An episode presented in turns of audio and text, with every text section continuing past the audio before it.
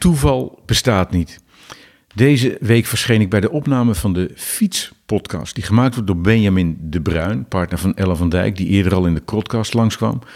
En Edwin Haan, hoofdredacteur van het blad Fiets. Onderwerp was vallen en veiligheid. En ze wilden dat ik opdraafde, omdat we in onze eerdere podcast uh, dit thema al op verschillende wijzen hadden benaderd. Aan de ene kant verandert het gedrag van een peloton, het materiaal waar ze op rijden en de omstandigheden waarin gekoerst moet worden. Dat er zoveel mogelijk ongelukken voorkomen worden, of als ze dan toch optreden, dat, er dan, uh, dat de consequenties daarvan beperkt worden. En daarbij kwamen ook wetenschappelijke inzichten naar voren van onder meer Erik Postma, uh, kunstmatige intelligentie, Bert Otte, de neuromechanicus, en de verkeersdeskundige Teun Hellings. De podcast van Fiets is zojuist verschenen, maar enkele uren na die opname vond het ongeluk met Fabio Jacobsen plaats in de Ronde van Polen. En daar was natuurlijk ook Dylan Groenwegen bij betrokken, waarin veel van die elementen die we besproken hadden samenkwamen. Daar hebben we een update van een kwartier over gemaakt en die hoor je nu. Vanzelfsprekend vind je in de tekst hieronder de link naar die fietspodcast en natuurlijk ook de links naar onze eerdere podcast over veiligheid en vallen. Veel plezier en rij veilig mensen.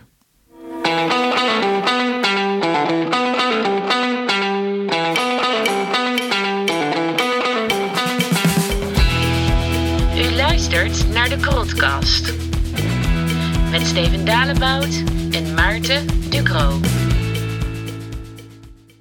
En maar even over toeval. Ik, heb hier, ik, ik praat even over, dat moeten we natuurlijk duidelijk maken, met Benjamin de Bruin van Fiets.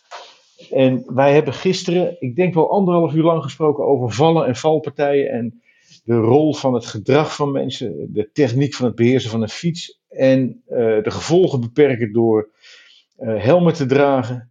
En al die onderwerpen komen in één keer aan bod met dat gruwelijke ongeluk in Polen. Met onze twee beste sprinters aller tijden. Ja. Ik ben, ik ben er nog misselijk van. Ja, zeg dat. Uh, uh, ja, want uh, ja, we hebben het eigenlijk, we hebben het inderdaad gehad over, over alles wat, uh, wat daar samen is gekomen. Hè? Over, over verantwoordelijkheid nemen als, als renner. Überhaupt als fietser, of je nou wel of niet in een peloton ja. fietst. Het met elkaar omgaan. En um, um, ik, was, ik ben het nu aan het terugluisteren en aan, aan het monteren. En, en ik zit nu toevallig in het stuk waarin jij het hebt over uh, dat je omstandigheden moet creëren waarin renners uh, uh, ook veilig kunnen koersen. Ja. en dat komt hier natuurlijk ook nog eens heel erg bij kijken. Ja, want dat is mijn goede vriend Matt Rundell gaf, dus een Engelsman en die zijn zo buitengewoon goed in iets zorgvuldig en kort en bondig uitdrukken.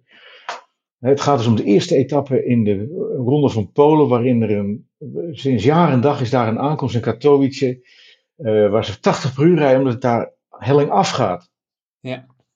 En, uh, en dan zetten ze daar dranghekken neer die los zitten.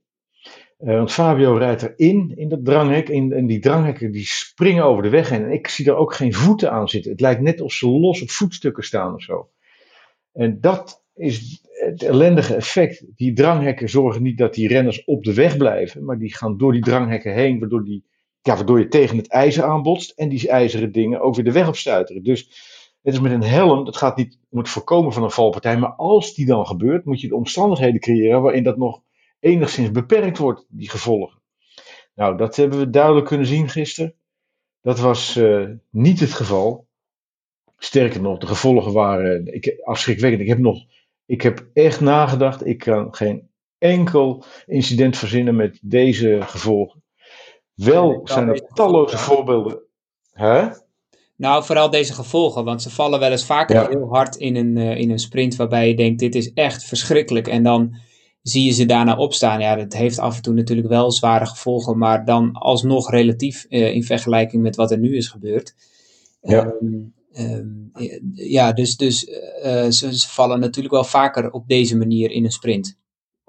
Ja, ze, er gebeuren heel vaak dingen in de laatste paar honderd meter. En dan krijg je gedoe met disqualificatie en terugzetten naar de laatste plaats. Maar als we nu even gewoon, hè, we hadden het gisteren over je verantwoordelijkheid nemen als renner. wat er nu gebeurt, is dat het publiek eigenlijk Dylan Groenewegen al veroordeeld heeft. Dat is de kwade genius. Ja. Uh, dat is ook zo. de gevolgen van zijn actie zijn vele malen erger dan hij ooit had kunnen vermoeden. En ook wat niet zijn intentie was. Dat doet niks af aan zijn gedrag. Hij snijdt de lijn af, maar dan gebeurt het. Die twee raken elkaar. En hoe gaat dat? Als je heel feitelijk kijkt, en ik hoop dat je de beelden voor de geest kan halen, ik heb het heel minutieus te bekijken, dan zie je dat ze met die hoge snelheid naar beneden komen en dat Jacobsen pal in het wiel zit. En hij houdt zelfs een aantal keer, in elk geval één keer, zijn benen stil. Hij heeft dus genoeg power om in dat wiel te blijven en hij wacht op het moment waarop hij zijn jump kan plaatsen. En dan plaatst hij hem en dan komt hij op 100 meter voor de streep voorbij, op snelheid, voorbij Dylan Groenewegen.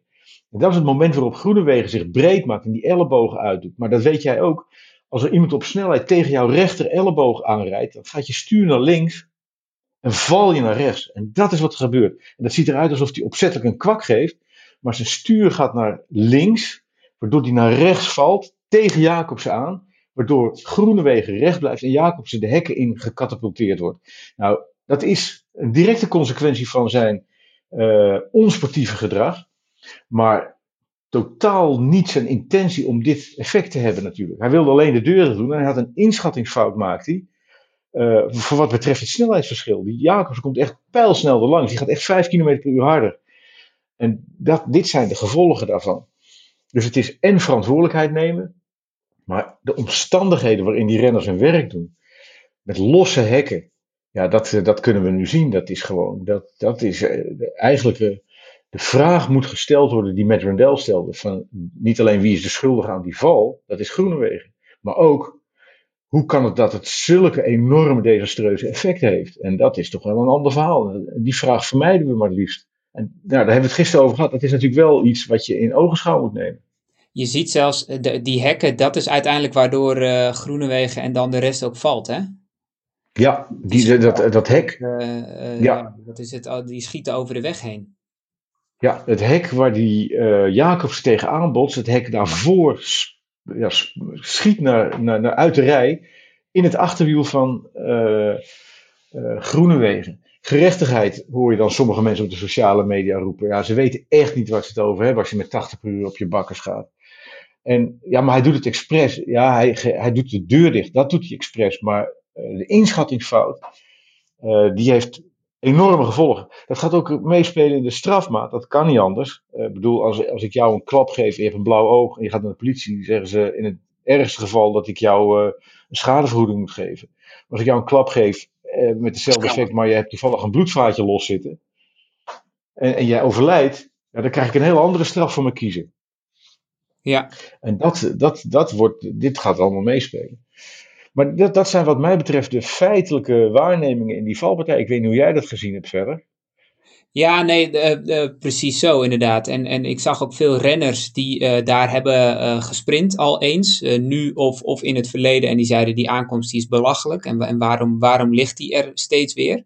Um, nou, die hacken, dat lijkt me ook een heel duidelijk punt. Ik heb jou nog een filmpje gestuurd, gestuurd dat, dat Alex ja. Rasmus.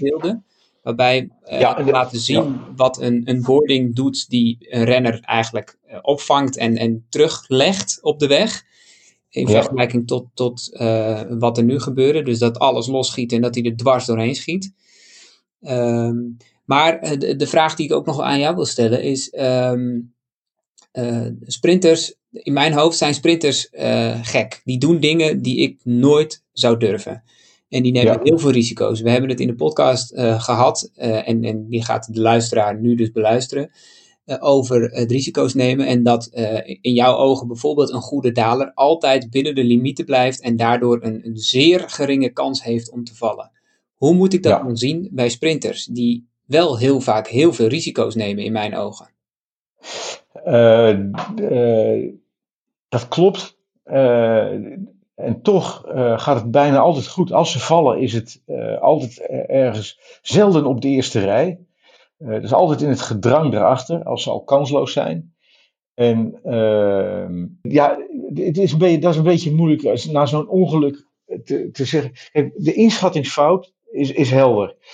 ik denk dat als je op je toppen van je concentratie risico's aan het nemen bent, en je maakt, dan maak je weinig inschattingsfouten. En nou, daarom gaat het ook altijd goed eigenlijk.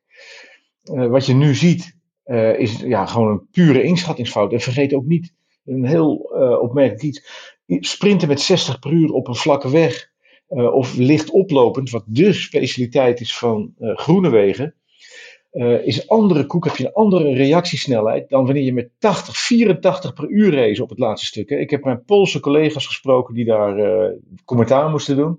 Ze zo'n snelheidsmeter, want het is ook een spektakelstuk, die aankomst in Katowice. Die doen ze al jaren aan een stuk. 84 per uur race daar vorig jaar. En dit jaar waren ze ook weer op die snelheid.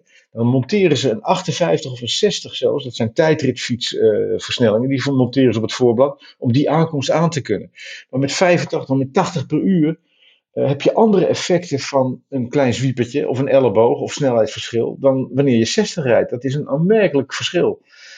En uh, dat speelt ook een rol. Dat, daarmee verzacht ik niet de, de, datgene wat Groenewegen op zijn geweten heeft.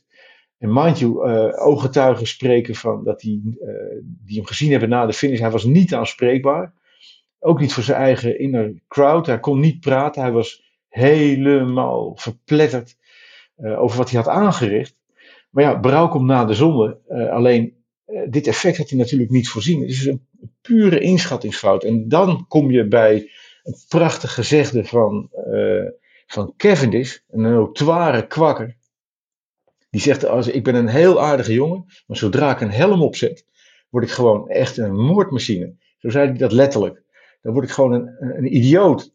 En uh, dat is natuurlijk wel een geestesgesteldheid die je beoordelingsvermogen uh, hindert en dus inschattingsfouten, de kansen erop vergroot. Ja, dat, daar hebben we gisteren een voorbeeld van gezien. En dat brengt ons weer terug bij de basis van hoe zorg je dat je veilig fietst. Uh, een groot deel van de verantwoordelijkheid daarvoor rust bij de mensen zelf. Waarvan akte. Maar man, man, man, ik hoop dat die Fabio ooit weer uh, normaal kan functioneren, jongens. En uh, nou ja, ik ben daar echt helemaal ziek van. Ja. Ik, ja. Hey, en en wat, wat, wat, wat, zou, wat zou er nu volgens jou moeten gebeuren? Want ik, ik, ik, ik, heb de, ik weet niet wat de etappe precies vandaag is. Maar stel, het is, het is weer een sprint en ze gaan er weer uh, met z'n allen en dan met iets minder snelheid uh, op af. En, en die hekken staan er weer. Uh, ja, dat, dat, dat kan toch eigenlijk niet meer. Dat is een goeie. Ik, ik weet niet of ze snel die hekken kunnen vervangen. Uh, daar, daar, zullen ze allicht iets aan doen. Uh, ik vermoed dat ze nu meer bezig zijn met uh, het ceremonie protocolair. Hoe gaan we dat doen in aangepaste vorm? Ja. Hoe gaat Dylan Groenewegen gestraft worden? Dat is een belangrijk ding. maar de verantwoordelijkheid nemen, daar komt hij weer. Hoe gaan we regelen dat de gevolgen van dit soort dingen zoveel mogelijk beperkt blijven? Ja, daar moeten ze uh, iets aan doen. En daar hebben we het gisteren ook over gehad. De rol van de renners, de stem daarin, de, de, vereniging van renners, de vakbond. Ja, waar zijn die joh? Die renners maken dit zelf mee en niet één keer, maar die, die zien die hekken ook losstaan. En dan moet er eerst eentje doodgaan voordat ze, voordat ze uh, roepen en dan nog gaan ze gewoon koersen. Dus dat, dat zijn een heleboel ingrediënten die vragen om een professionalisering. Uh, en, en dit voorbeeld maakt alleen maar duidelijk op welk vlak dat ligt. Ja.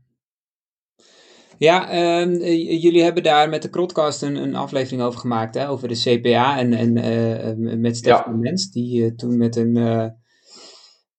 Drie... Alternatief aan het komen was, met een, met een, ja, met een beweging. Ja, dus nou ja, misschien is het een, een, goed idee voor een, een, een, een, een, goede tijd voor een vervolg. Want, want ja, het is, het is nu meer actueel dan ooit, denk ik. Ja, ja nee, een heleboel dingen komen bij elkaar. Dus de stem van de renners, uh, de, de, de, verantwoordelijkheid die je moet nemen in een peloton of in een groep fietsers, de techniek van het beheersen van je fiets en de gevolgen uh, uh, beperken als het dan toch misgaat. Want dat kan natuurlijk niet uitsluiten. Daar moet je rekening mee houden. Je moet niet gekke gerretje zijn. Nou, ja, daar zijn al die partijen bij nodig om daar gewoon een stem in te laten horen.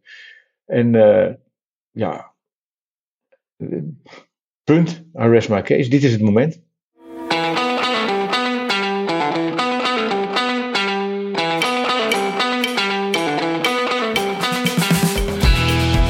U luistert naar de Krotcast met Steven Dalebout en Maarten Ducro.